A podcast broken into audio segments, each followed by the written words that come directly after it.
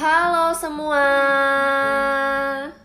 Balik lagi sama aku di Unplanned Trip episode 4 di Opposite Direction Part 2 Sebelumnya aku mau say sorry karena kali ini agak telat ngepost new episode-nya yang harusnya aku post Jumat kemarin. Jadi ada sedikit kendala di jadwal yang akhirnya aku baru bisa post sekarang So, sesuai janji, aku bakal lanjutin cerita pengalaman aku milih jalan yang berbeda dengan apa yang Tuhan mau. Yang akhirnya malah bikin aku jalan muter-muter gak jelas dan akhirnya lagi-lagi di pengalaman yang sama waktu aku nyari kerja after lulus kuliah. Jadi, buat kalian yang udah denger cerita aku nyari kerja waktu lagi kuliah, kelanjutannya adalah akhirnya aku bertahan kerja di company itu sampai waktu aku mau lulus kuliah. Tapi ceritaku nggak berhenti di sini. Jadi karena udah mau lulus, ya aku kudu mikir dong kerjaan yang serius, terus mau ke mana, mau berkembang di mana. Dan waktu udah mau lulus gitu, emang ada plan mau kerja di China juga. Dan mikirnya pengen nyari company gede yang stabil gitu. Jadi lagi-lagi aku struggle dan aku bawa dalam doa Soalnya ya ini hal yang serius ya, apa yang kita putuskan sekarang itu yang akan menjadi penentu kita mau jadi apa gitu di masa depan. Nah dan waktu itu sebenarnya aku udah dapat jawabannya kalau Tuhan pengen aku stay di company ini. Tapi balik lagi seperti yang aku bilang, karena aku orangnya bandel, nggak mau langsung taat, ya pengennya nyari jalan sendiri dulu gitu pengennya ya jadi akhirnya aku tetap apply di perusahaan lain. Dan waktu itu kebetulan ada beberapa teman aku juga yang apply di perusahaan yang sama. Jadi kita sama-sama direspon dan dijadwalin interview di jam yang berbeda-beda. Nah singkat cerita sampailah di hari aku dijadwalin interview. Dan for your information teman-teman aku yang sama-sama apply udah pada interview beberapa hari sebelumnya. Dan dari cerita interviewnya mereka ya kurang lebih aku udah tau lah pertanyaan-pertanyaan apa yang bakal ditanyain dan dari cerita mereka aku dapat satu kesimpulan bahwa pertanyaan yang diajuin ke mereka adalah pertanyaan-pertanyaan yang umum dan gampang.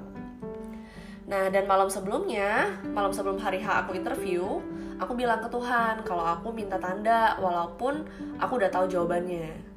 Dengan polosnya aku bilang ke Tuhan kalau aku bego, nggak ngerti apa yang Tuhan mau, dan aku minta tanda sejelas mungkin jadi aku minta kalau memang ini bukan jalannya Tuhan ya udah besok waktu mau interview bikin aku nyasar nggak tahu jalan. Dan akhirnya uh, dan bikin aku, dan bikin interview aku nggak lancar.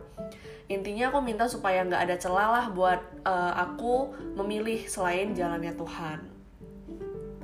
Dan waktu di hari H it really takes me like two hours to get there yang seharusnya cuma 45 menit doang karena aku beneran nyasar guys. Aku beneran nyasar. Dan dua jam to get there itu bener-bener perjalanan yang sangat menyiksa.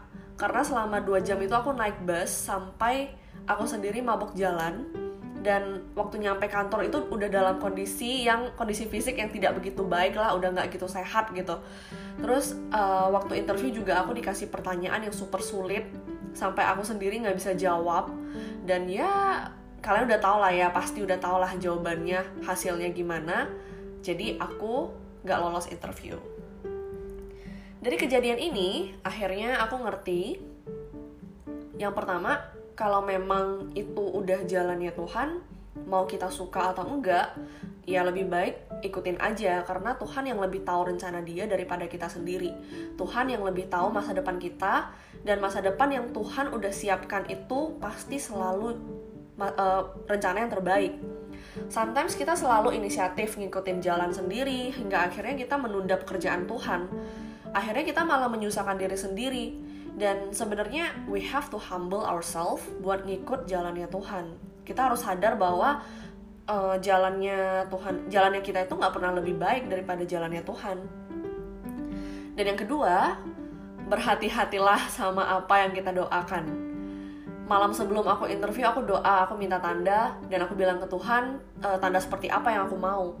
Dan akhirnya apa yang aku minta beneran terjadi dong. Dan di saat ya di saat uh, hal itu terjadi malah aku mengeluh sama diri aku sendiri. Tuhan kita adalah Tuhan yang mendengar doa.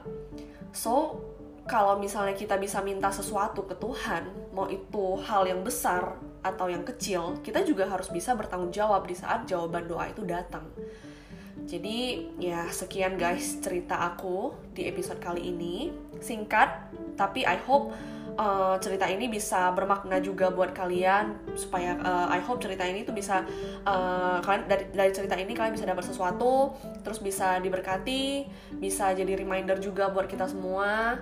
So stay tuned on my next episode and stay healthy. God bless you